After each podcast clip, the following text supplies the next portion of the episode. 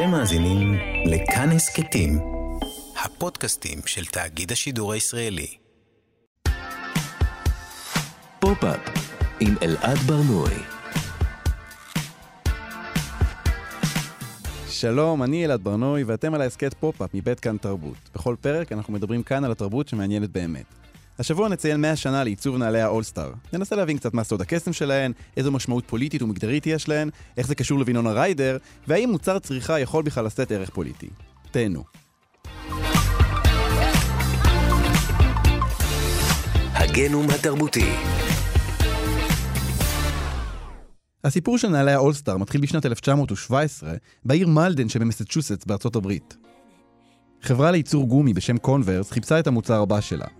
אחרי שהתמחתה בצמיגים, במגפיים ובנעלי טניס, החליטה החברה להתנסות בענף ספורט חדש ולא מוכר.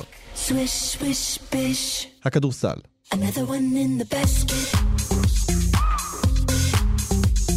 הכדורסל הומצא רק 26 שנה קודם לכן, בשנת 1891, על ידי מאמן ספורט בשם ג'יימס נייסמית, בעיירה ספרינגפילד, גם היא במסצ'וסטס, לא רחוק ממפעל קונברס. קונברס קראו לנעליים החדשות אולסטאר.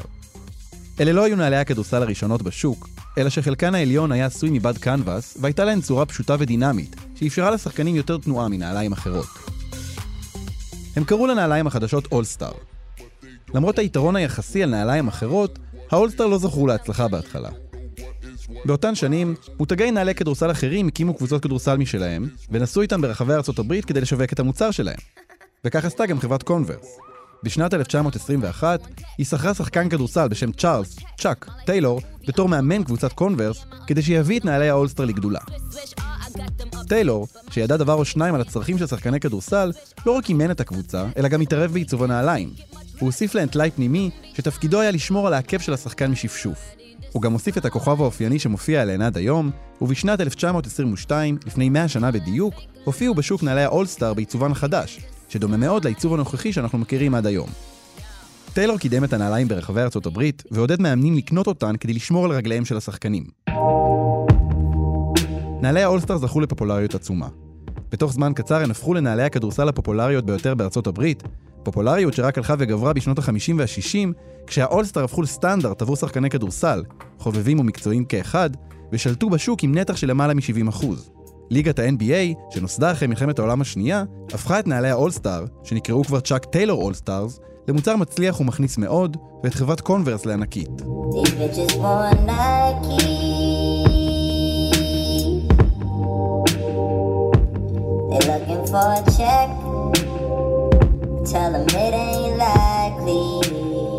בשנות ה-70 החלו להופיע בשוק שלל נעלי כדורסל חדשות, שהיו עשויות מעור, וזכו לסוליות משמעותיות ותומכות יותר. גם קונברס יצרה גרסת עור של האולסטאר, אבל הם החלו לאבד פופולריות לטובת נעליים של חברות אחרות, כמו פומה, אדידס, ובעיקר נייקי. אגב, 30 שנה מאוחר יותר, בשנת 2003, נייקי תרכוש את חברת קונברס בעסקה של למעלה מ-300 מיליון דולר. אבל בואו נחזור ל-70. Just like me. בעוד שהטכנולוגיות ההולכות ומשתכללות של נעלי ספורט אחרות הלכו ודחקו את האולסטאר מאולם הכדורסל, מחוצה לו קרה משהו אחר לגמרי.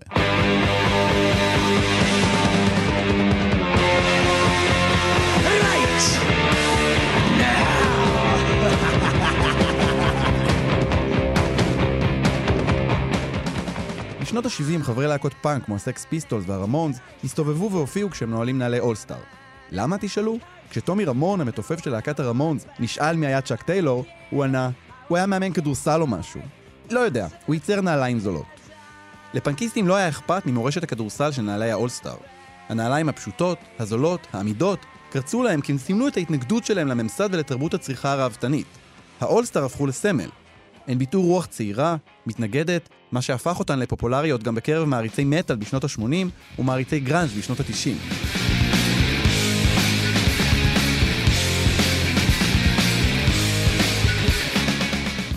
אגב, גם קורט קוביין, סולן להקת נירוונה, נהג לנעול אותן בהופעות, והאגדה מספרת שהוא אפילו מת כשעל כפות רגליו זוג נעלי אולסטאר.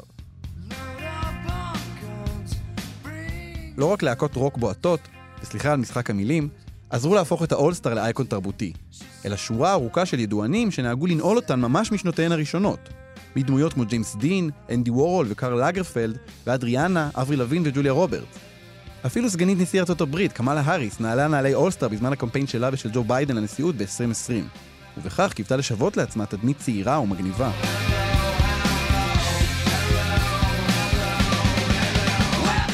מעניין להביט באולסטאר היום, מאה שנה לאחר שהעולם זכה להכיר את הנעל עם הכוכב המפורסם.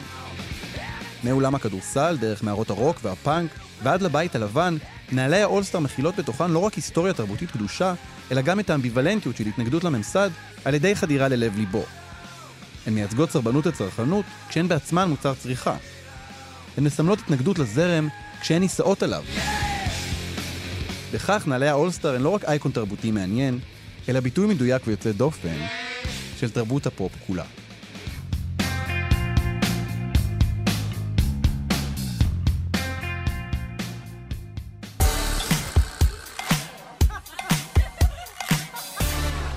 כאן תרבות, אתם על פופ-אפ, והיום אנחנו בתוכנית מיוחדת לציון 100 שנה לעיצוב נעלי האולסטאר. אז איך זוג נעליים די פשוטות, לא ממש נוחות, נשארות סמל כל כך חזק במשך כל כך הרבה שנים? מה יש באולסטאר שמושך דורות של אנשים ממקומות, מגילאים, מסטטוסים שונים? ואיתי כדי לענות על השאלות האלה, לירוי שופן, תיאורטיקן אופנה ומרצה ביחידה להיסטוריה ופילוסופיה בשנקר. שלום לירוי. שלום, בוקר טוב. בוקר טוב. לירוי, לך יש נעלי אולסטאר? האמת שהיו לי, אה, והפסקתי לנעול אותם, כי אנחנו חייבים להודות שהם לא הנעליים הכי נוחות בעולם, לפחות לא עבורי, אה, אבל כטינג'ר אה, היו לי כמה וכמה נעלי אולסטאר, ההורים שלי שנאו אותן, אבל אני אה, חשבתי שהן היו נורא מגניבות, אז אה, כטינג'ר שברתי את הרגליים, היום כבן אדם מבוגר אני מוכן פחות. כן, יש סדרי עדיפויות אחר, אחרים, בשלב מסוים מבינים את זה, אני חושב. אז איך, איך, אה, איך באמת הם הפכו להיות אה, כזה סמל שנשאר כל כך חזק במשך כל כך הרבה שנים? תראה, אני חושב שזה לא במקרה שהן אה, שורדות מין כזה 100 שנה, לאורך אה, המאה ה-20, תחילת המאה ה-21. אני חושב שבהרבה מובנים מדובר בעיצוב שמגלם הרבה מאוד uh, מהערכים המודרניים. זאת אומרת, זה עיצוב שקודם כל מיועד לייצור המונים, תשים לב, זה נעל שהיא ברובה uh, מודבקת ופחות uh, תפורה. החומרים שלה גם הם יחסית פשוטים, מההתחלה uh, זה היה גומי וקנבס uh, על חשבון של חומרים שהם יותר uh, יקרים ומורכבים, כמו אור בגימורים uh, שונים. Uh, וגם צריך לזכור שזה מבחינת ההתחלה שלהן, הן התחילו כאיזושהי uh, נעל ספורט, נעל שקשורה לתרבות הפנאי, שתרבות הפנאי, בעיקר משנות ה-30 של המאה ה-20, הלכה וצברה תאוצה כמשהו מוגדר נקרא לזה. אז בכל המובן הזה, אני חושב שבעיצוב הזה יש איזושהי התייחסות לכל הפרמטרים האלה שהופכים עיצוב בסופו של דבר לעיצוב שהוא מודרני, זה פשוט עיצוב שמתאים לאורח החיים שלנו. מה שנקרא, במאה השנים האחרונות בצורה מאוד, מאוד מובהקת. אז מקודם אמרת שכשאתה היית נער, ההורים שלך לא אהבו אותן. בוא, בוא רגע ננסה לפרק את הדבר הזה. היום נגיד מישהו הולך עם, עם אולסטאר, מה, מה, מה זה אומר לי עליו? מה הוא מבקש לשדר כשהוא נועל נעליים כאלה? תראה, זו שאלה שאני כחוקר אופנה מתמודד איתה הרבה. האם כשאנחנו מתלבשים, אנחנו עומדים מול הארון וחושבים על איזה שהן כוונות גדולות שאנחנו מייחסים לכל פרט שאנחנו שמים בהופעה?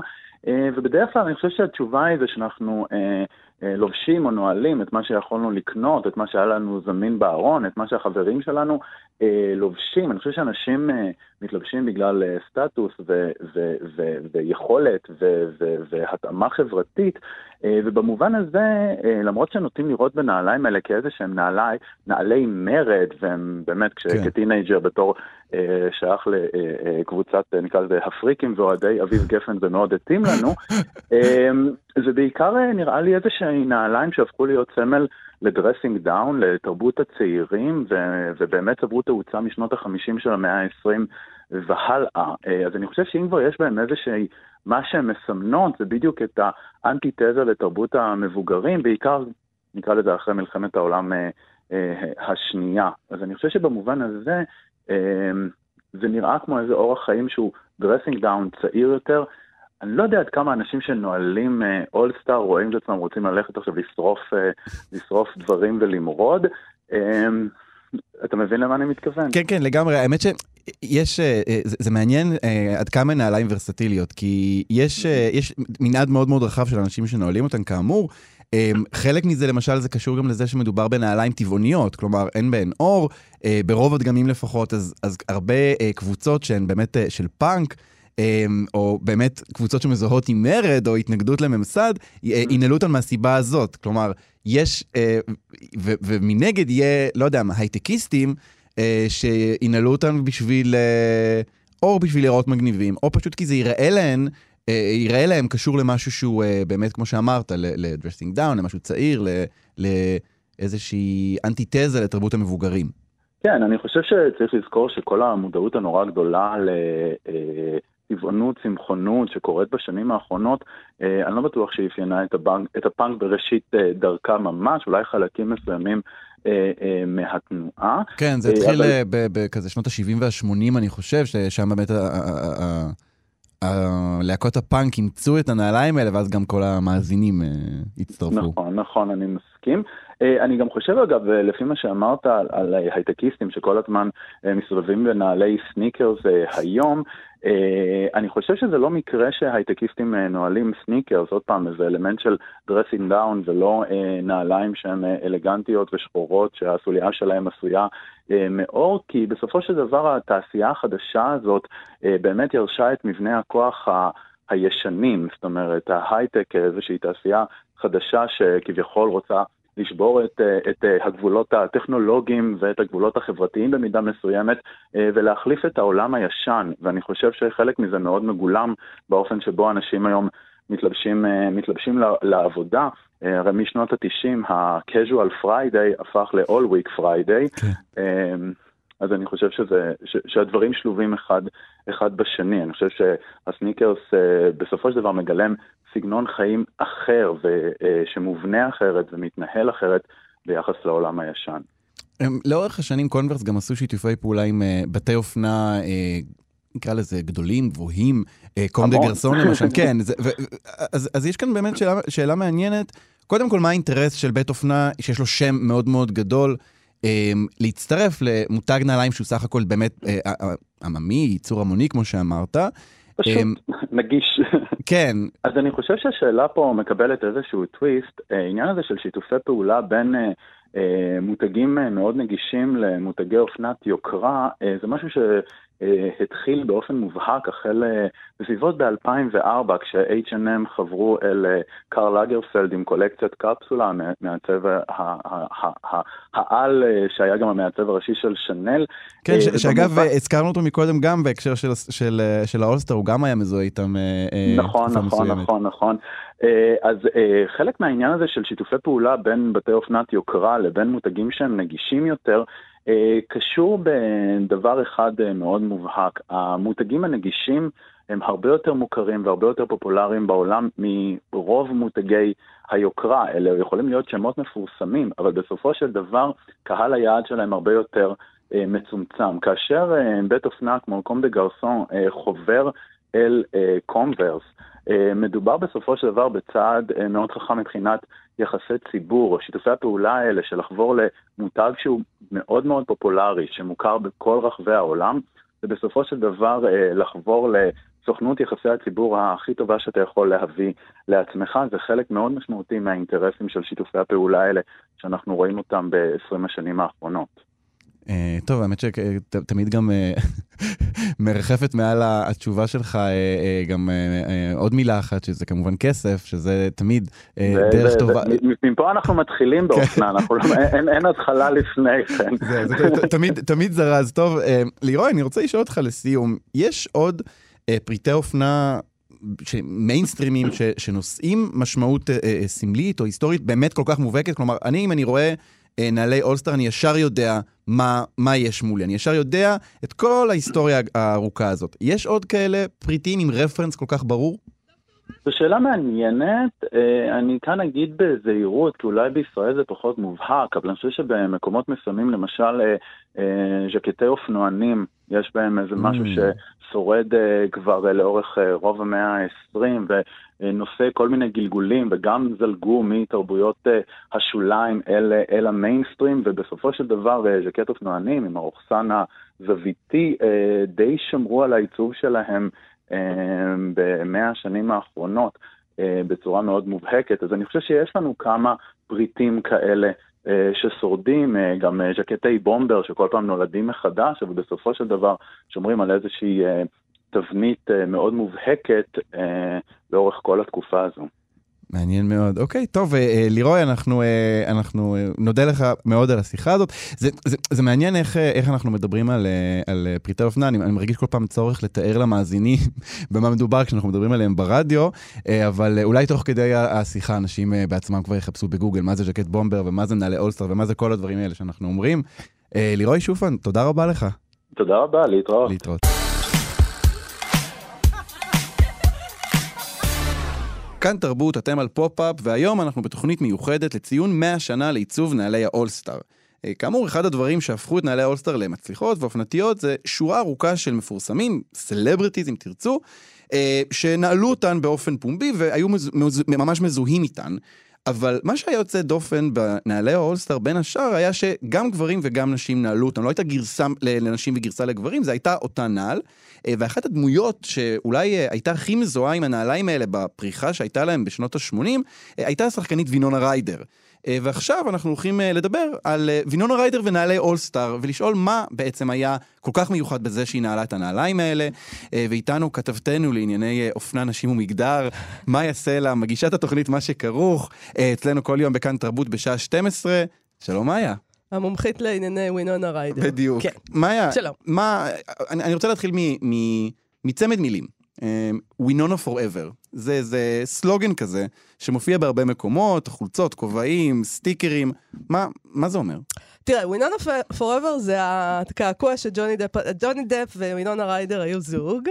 הם, הם היו הזוג של הדור שלי, הזוג הזה שייצג אותנו נגיד, והוא גם עשה את הקעקוע ווינונה פוראבר, מה שהיה מאוד מאוד מרגש. אבל בעיקר, אני חושבת שווינונה פוראבר נהיה עניין אחרי שג'וני אחרי שהם נפרדו, והוא מחק את הקעקוע אחרי שהם נפרדו, הוא שינה אותו. ואז התחילו להגיד ווינונה פוראבר, כאילו, איזה גבר דביל, אז מה, אז, אז היה את הדבר הזה בחיים שלך, אז היה ווינונה, אז, אז כתבת ווינונה פוראבר, אז עשית קעקוע, מה אתה מוחק אותו? מה, זה אידיוט, זה לא שעשית קעקוע של ליטר. ואז, לפי דעתי, אז התחילו להגיד ווינונה פוראבר. זאת אומרת, אתה חושב שאתה תמחוק את הקעקוע הזה, אנחנו לא ניתן לך למחוק. ועכשיו, אגב, יש איזה מין חזרה כזאת של ג'וני דפ, ש... Uh, אתה יודע, אנחנו הסתכלנו עליו המון שנים במין... איך הוא נהיה כזה מטומטם? כן, כן. אתה, אני חושבת שכשאתה מתבגר אתה חייב, או שלא לומר מזדקן, אתה חייב להפוך להיות המטומטם הזה, תסתכל עליי. אבל עכשיו, עם המשפט המתוקשר הזה שלו, הוא קצת מחזיר לעצמו כן, הוא פתאום, משהו. כן, הוא, הוא צובר איזה, אני חושב שהוא עושה לעצמו שירות מאוד מאוד טוב מאוד כרגע. מאוד טוב, הוא חוזר בעצם לווינונה פוראבר, גם דובר במשפט בקעקוע הזה, זאת אומרת, הוא כזה, יש, יש שם איזה עניין יש כזה. משהו מאוד מעניין ב- בלכתוב וינונה forever בקעקוע, זה קצת מיותר, כי אם כתבת וינונה, זה מספיק forever, כי זה קעקוע והוא קבוע, יש איזה מין uh, redundancy בלכתוב את זה, ואז עוד למחוק את זה. אז למחוק את זה, זה, ש... זה שערורייה. זה לא עושים, אני מצטערת, זה לא עושים. ואם עשית את זה, תסתיר את זה. באמת, אי אפשר, אי אפשר. אז אוקיי, אז אח- אחרי הקעקוע, um, למה זה הפך? זה הפך להיות, um, וינונה הפכה להיות איזה מין סמל כזה, נכון? נכון. מה, מה היה uh, מיוחד בה כשהיא הופיעה? היא, היא התחילה להופיע בסרטים בשנות ה-80. Um, מה היה מיוחד בה? מה היה שונה בה בווינונה ריידר? אה, שהיא, אני חושבת שהעובדה שהיא הייתה אישה אה, שנראתה כמונו, היא לא הייתה כוכבנית הוליוודית, אה, לא היה לה את הציצי הזה ואת התחת הזה ואת הבלונד הזה ואת כל הזוהר הזה של הוליווד, אה, שברור שהאייטיז היו מאוד נוצצים במובן הזה, כמובן גם קודם, תמיד הנשים הגדולות האלה, אתה יודע, אה, אז, אז המרילין מונרו האלה, היא לא הייתה הדבר הזה, היא הייתה אה, בחורה עם, עם סניקרס, אה, שהיא יפה, אבל היא לא יפה באופן מטורף, שהיא נכנסת לאיזה חדר ואתה מתעלף. היא בחורה רגילה. מה nineties, נציגה מובהקת בעיניי של דור ה-X, בדיוק במובן הזה, של מה אתם משחקים אותה, את הדבר הנוצץ הזה, שזה לא החיים שלנו, באמת, ואנחנו, לא רק שזה לא החיים שלנו, אנחנו לא מאמינים לזה יותר. זה היה הרעיון של דור ה-X, אנחנו לא מאמינים לדבר הזה יותר, ואת זה היא ייצגה נהדר, וגם, כמובן שהיה איזה מין רעיון פמיניסטי כזה, של אני לא עכשיו הולכת עם הציצי בחוץ ועם התחת שלי ככה וזה, כי זה לא מה שאני רוצה, כאילו, זה לא האישה שאני רוצה להיות, והיא הייתה האישה הזאת שלא הולכת ככה. אז במקום עקבים היא פתאום הופיעה עם סניקרס ובאמת אולסטאר זה היה, אה, חיפשתי לפני התוכנית, אה, היה לי אה, כזה, בכל... חיפשתי כל צירוף אפשרי שאפשר, של שם של מפורסם ונעלי אולסטאר, וכמעט באמת את כולם מצאתי, זה באמת, לכולם יש נעלי אולסטאר, זה, זה ממש דבר מעניין. ומצאתי אלפי תמונות שלה, כלומר באמת בלי סוף תמונות שלה, זה היה מאוד מאוד מזוהה איתה. ואם אם נדבר ממש על המבנה של הנעל, של האולסטאר, אז זה עומד כמעט ב, בניגוד מוחלט לנעלי עקב. אם נעלי עקב אמורות כאילו להגביה את האישה ול- ולעקם את הגוף שלה בצורה כזו שהיא כאילו שהגוף שלה יהיה פתייני וסליחה על הביטוי אבל מוכן לפעולה, אה, האולסטאר מעמידות אותה בצורה אחרת לגמרי. נכון. אה, נערית, כמובן. אה, היה גם את הרעיון הזה בשנות ה-90, שאני לא חושבת שהיא אחזה בו, אבל הוא, הוא רעיון תהום כזה של ההרואין שיק, זאת אומרת, גם, גם דוגמניות לא היו בדבר הזה, אתה יודע, של להיות עכשיו עם הציצי וזה. אני, אני, אתה יודע, כשהתחיל העניין הזה עם קים קרדשיאן וזה, וחזר הציצי והתחת, אני הייתי בשוק. מה אתם עושות? מה אתם עושות? הבנתם כלום. לא הבנתם. עכשיו, תראה, העניין הזה עם אולסטאר, אה, אנחנו יכולות לרוץ באולסטאר, אנחנו יכולות לברוח. זאת אומרת, כשאת עם נקבים, את לא יכולה לברוח. וואו. ואישה צריכה שיהיה לה את היכולת לברוח. וואו. זה היה הרעיון, זאת אומרת, זה מבחינתי היה אחד הרעיונות, כן? וגם כמובן, העניין הזה של אני לא עכשיו אה, מין אישה כזאת שהולכת בצעדים מדודים על עקבים, ואוי, בוא אני אחזיק לך את היד רגע, כי אני גם יכולה ליפול, כי זה לא... עם, עם, עם נעלי עקב, אה, את, את לא יכולה באמת ללכת. זה... צריך לנסוע ממקום למקום. אם את הולכת, כדאי שיהיה לידך מישהו, אתה יודע.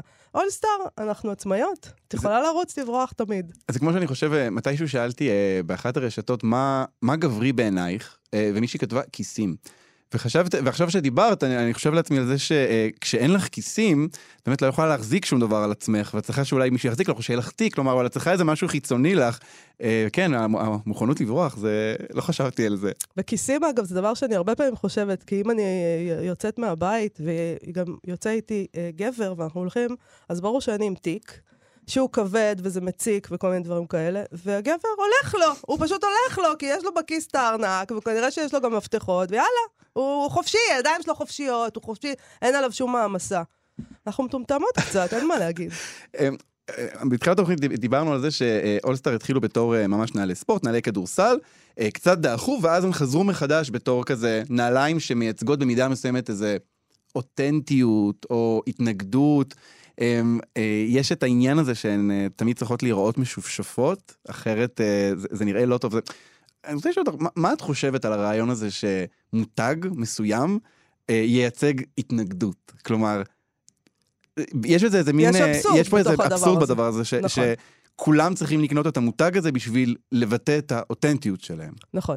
ברור שזה אבסורד, וברור שזה כל, ה, כל העולם הזה של המותגים והדימויים, זה חלק מהאבסורד, ואתה יודע, כשאני הייתי נערה, אז היה, היה גם, אולי גם היום יש, יש חיקויים של אולסטאר. כן. או היו חיקויים של אולסטאר, אה, כן, ואולסטאר זה יותר למעשה, יקר. הנה פרט מידע מעניין, אולסטאר טבעה לאורך השנים 31 חברות על חיקויים, אה, על נעליים שנראו פשוט כמו שלה, ואגב, בדרך לפה לאולפן, כל- הסתכלתי על הנעליים של כולם, וכל פעם, אה, זה אולסטאר, אה, לא, זה לא אולסטאר, זה ואנס, לא, זה אדידס, כולם נראים כמו אולסטאר. אז זהו, אז אני אז זוכרת שאני נורא רציתי שההורים שלי יקנו לי אולסטאר, ואבא שלי אמר, בוא נקנה את זה, אחד, חיקוי, זה נראה אותו דבר, לאבא שלי זה נראה אותו דבר, עליו השלום. אמרתי לו, לא, לא, אי אפשר. עכשיו, זה, ברור שזה אבסורד, כאילו, אתה מתנגד עם, ה, עם המותג.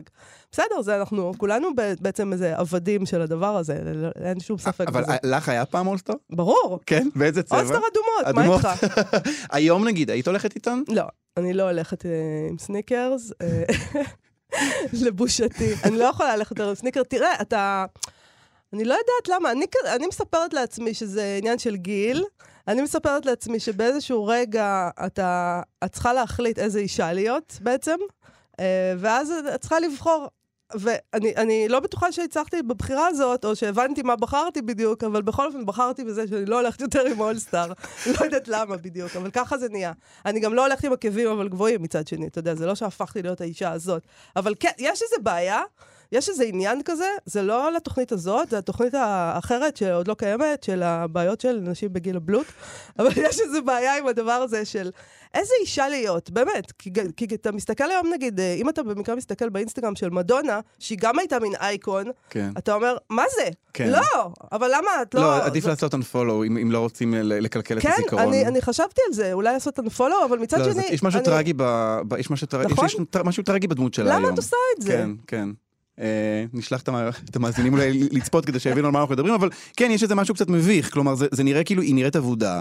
כן, נראית אבל כאילו... אם אתה רואה היום את וינונה ריידר, נחזור אליה לרגע, אז נגיד היה איזה טקס חלוקת פרסי אוסקר לפני איזה שנתיים, שהיא עמדה על הבמה, אה, עשתה פרצופים כן, תימוניים זה כאלה. הפך להיות אה, מים מאוד מאוד נפוץ. זאת אומרת, כן. את, יכולה, מה, לבחור להיות הפתטית הזאת, מדונה, או האישה התימונית הזאת, וינונה ריידר? האמת, בין שתי אופציות, אני בוחרת בתימונית. אז אני האישה התימונית, אוקיי. בואי נדבר רגע על, על, על הבחירה הזאת. אה, אה, לפני, אה, בשנה שעברה, ב-2021, הזמרת בילי אייליש, זמרת הידועה מהלהיט bad guy, וכמובן מאוד שורה ארוכה של שירים, צעירה מאוד, היא הייתה כל הזמן ידועה בזה שהיא לובשת...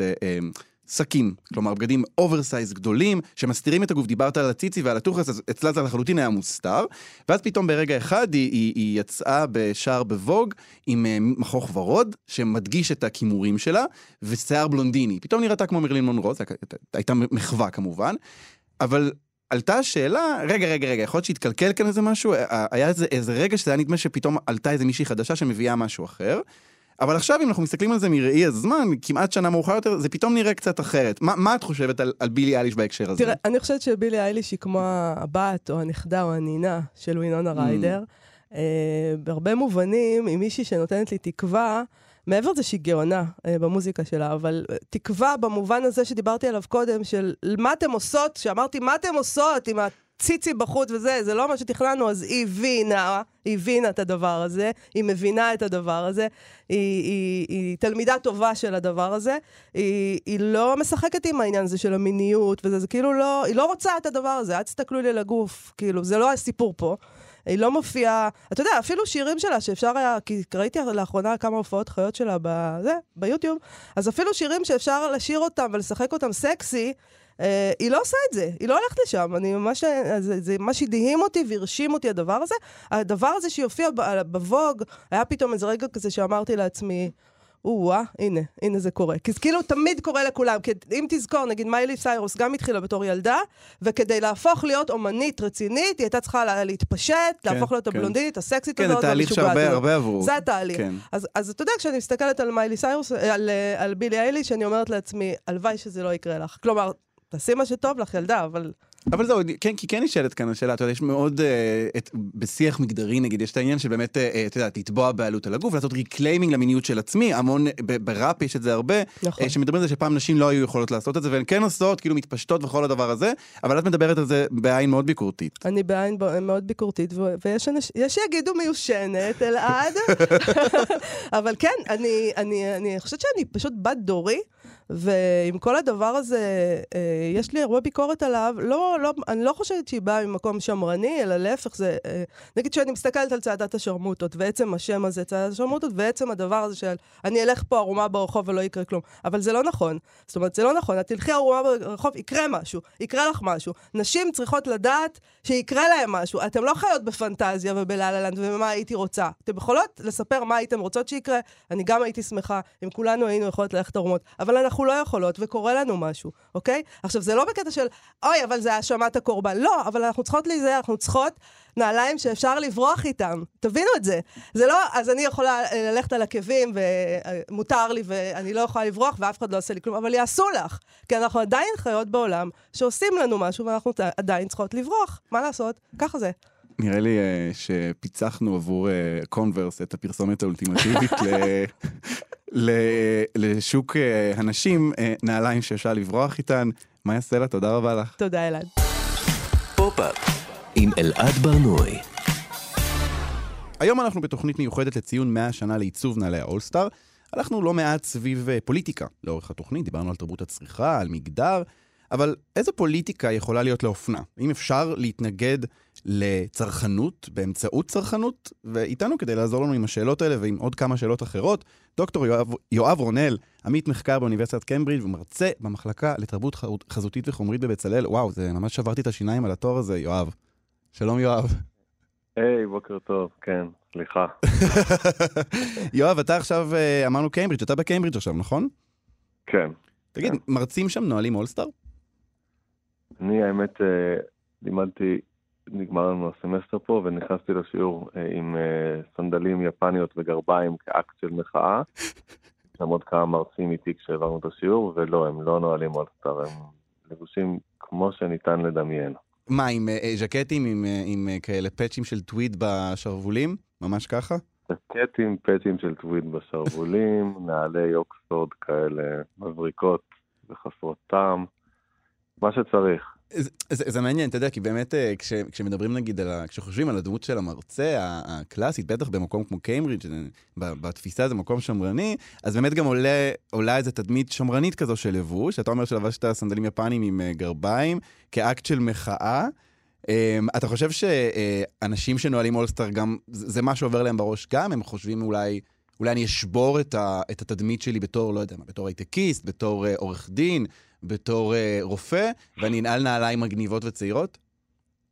אה, אני חושב שקודם כל, אני לא... הייטקיסט, אצל הייטקיסטים אולי כן, אבל באופן כללי, ברגע שבכל אה, עיר, אפילו פה בקיימברידג', שזה באמת מקום מאוד שמרני, יש אה, סניף של Urban Outfitters, אה, שזה כאילו מין חנות שהפכה, רשת שהפכה ל... אה, את התרבות רחוב למותג, בצורה, מותג זול אפילו, אז נראה לי שלא. מצד שני, כן, עדיין יש בזה איזשהו משהו שהוא משוחרר יחסית. כלומר, נדמה לי שדווקא בגלל הפופולריות של זה, זה לא נחשב כמשהו שייתפס כהתנגדות, אבל גם זה לא יהיה מקובל. אני מוצא באולסטר איזושהי צורה של חופש, בקיצור. Mm, לך, לך היה אולסטאר פעם? היה לי איזשהו דגם אחד. אה, אני, יש לי איזשהו ניכור מהדבר הזה, אני מעדיף אה, להרגיש יותר מיוחד. אופנה מאוד מסובכת במובנים האלה, אתה כל הזמן מנסה למצוא את הייחוד שלך בין כל מיני דברים שנמכרים לך. אז זהו, אז אה, זה סיפור מעניין מה שקרה עם האולסטאר, כי מקודם אה, הזכרתי, ב- עשיתי שיעור היסטוריה קצר כזה על האולסטאר, ו- ואמרתי שבשנות ה-70 חברי להקות פאנק אה, היו נועלים אה, נעליים כאלה, אחרי זה גם אה, מטאליסטים, אה, בגראנג' היו נועלים, ותמיד היה בזה איזשהו ממד אה, של התנגדות, יש לזה גם אה, סיבות אה, ממשיות, נעליים זולות, טבעוניות, אה, הן ייצגו איזושהי התנגדות לממסד, אה, אבל אם אנחנו מסתכלים על היום נגיד, על הנעליים האלה, אז, אז כולם נועלים, כלומר, המון המון אנשים בהמון המון שכבות שונות נועלים את הנעליים האלה. אמ, ועדיין אני כן חושב שנושאות איזשהו ערך, איזושהי משמעות, אה, לא יודע, לפחות באמת איזה משהו צעיר כזה, אם לא ממש מחאה. אה, אני חושב ש... אה, קודם כל, אני ממש מסכים בקשר לזה שנעלי אולסטאר הן עדיין קוליות. כן.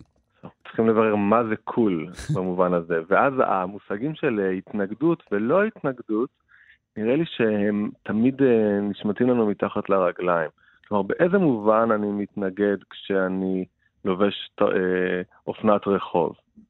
ואני חושב שזה חלק מהאופן שבו המערכת הפוליטית-כלכלית בנויה, שהיא לוקחת דברים שאנחנו משתוקקים אליהם, יופי, אבל גם חוצפה או אפילו שינוי, מהפכה, אה, ומטמיעה אותם לתוכם, והופכת אותם למשהו שאנחנו יכולים אה, לצרוך. ואז דבר, יש בזה מין אה, אלמנט כאילו שמרגיש מאוד כלוא, כאילו, רגע, איפה החופש הזה? איפה. איפה המחאה? איפה ההתנגדות? למה אנחנו כולנו ב Urban Outfitters? איפה הייחוד שלנו? אפילו ברמה האקזיסטנציאלית הפרטית ביותר. מצד שני, אני חושב שזה יהיה נאיבי או אפילו פרדוקסלי, כל הזמן לחפש את הדבר שהאחרים לא עושים.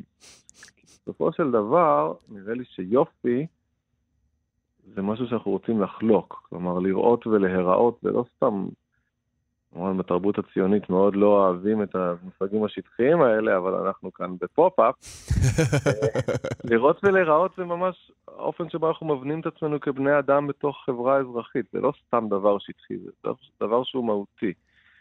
אני לא יודע אם עניתי לשאלה על האולסטאר. אה, אתה אבל- אתה מעלה שאלה אחרת, כי אה, בדיוק על, על זה בעצם, ה, אני חושב, הדברים עומדים. כי אם אנחנו מדברים על אה, ערכים כמו יופי, זה תמיד דברים שהם נדמים שטחיים, כמו שאמרת, רדודים, העיסוק במראה החיצוני, בטח בתרבות ש, שאומרת שחולצה כחולה עולה על כל העדיים, כלומר, אנחנו לא אמורים בכלל לחשוב על היופי של הדברים. אתה חושב שליופי יכול להיות, ליופי, ממש יופי חיצוני, יופי כמו של בגד, אה, יכול להיות לו אה, איזשהו אה, ערך ממשי, ערך אה, אה, בעולם, זה, זה, זה מונחים קצת עלומים לדבר על ערך, אבל אה, הוא, הוא יכול לבטא איזשהו משהו פנימי עמוק יותר מאשר הדבר הרדוד הזה של וואו, זה יפה? אמ, אני אגיד ש... ב- קודם כל, ממש כן, או במובן הכי פשוט, אני חושב שזה שאנחנו כל הזמן, והרבה יותר קל לנו אה, לדבר על עצמנו במונחים של פנימיות ו, וקונפליקטים פנימיים ועוד דברים שהם מהותיים כביכול, כמו פרנסה או פוליטיקה, אבל אני חושב שבסופו של דבר אתה מתקיים בעולם ואתה חווה אותו בצורה אסתטית, זה חלק מהדבר, מהקיום האנושי, זה קשור למושגים כמו הרמוניה וצרימה. שהם יותר אולי סנסואליים או מובנים מאליהם, אבל גם פשוט למה, למה שיפה. אני לא חושב שאפשר לכונן אה, חברה אנושית בריאה, כל עוד מסלקים את המושגים האלה כאילו הם חסרי חשיבות. ומצד שני, אני חושב שבאמת בתוך חברת הצריכה, המושגים האלה הם כל הזמן בעייתיים לנו.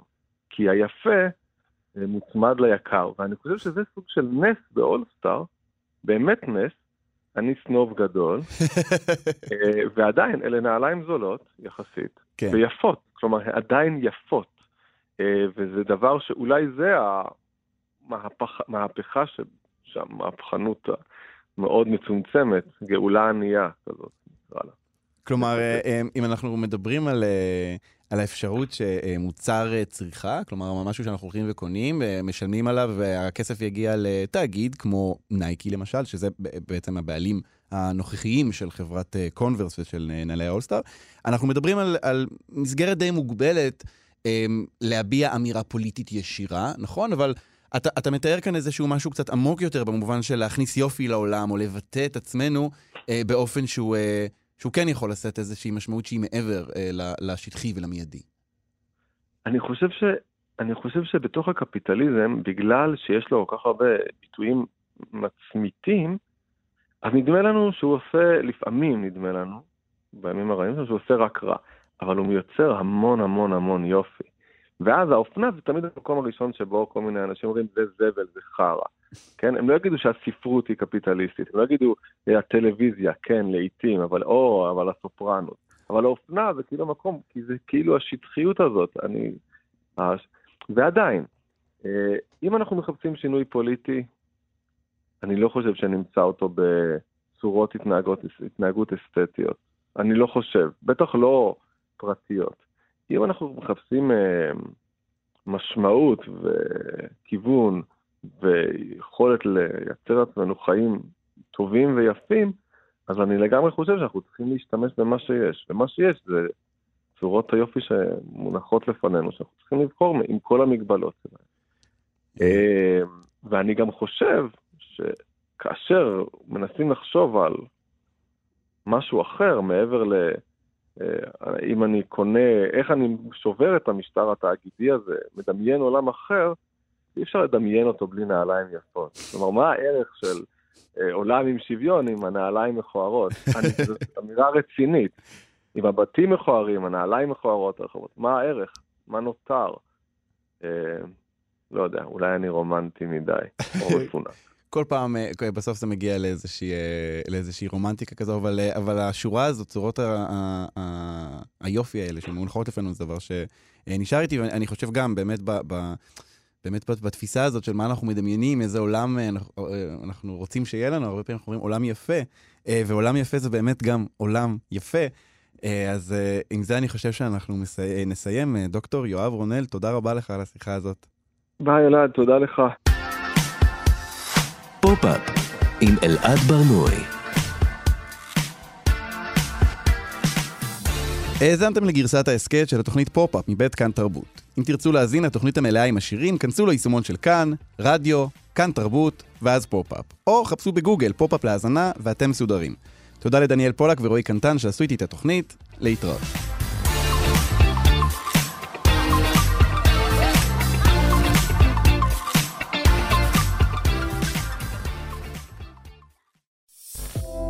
מאזינים לכאן הסכתים, הפודקאסטים של תאגיד השידור הישראלי.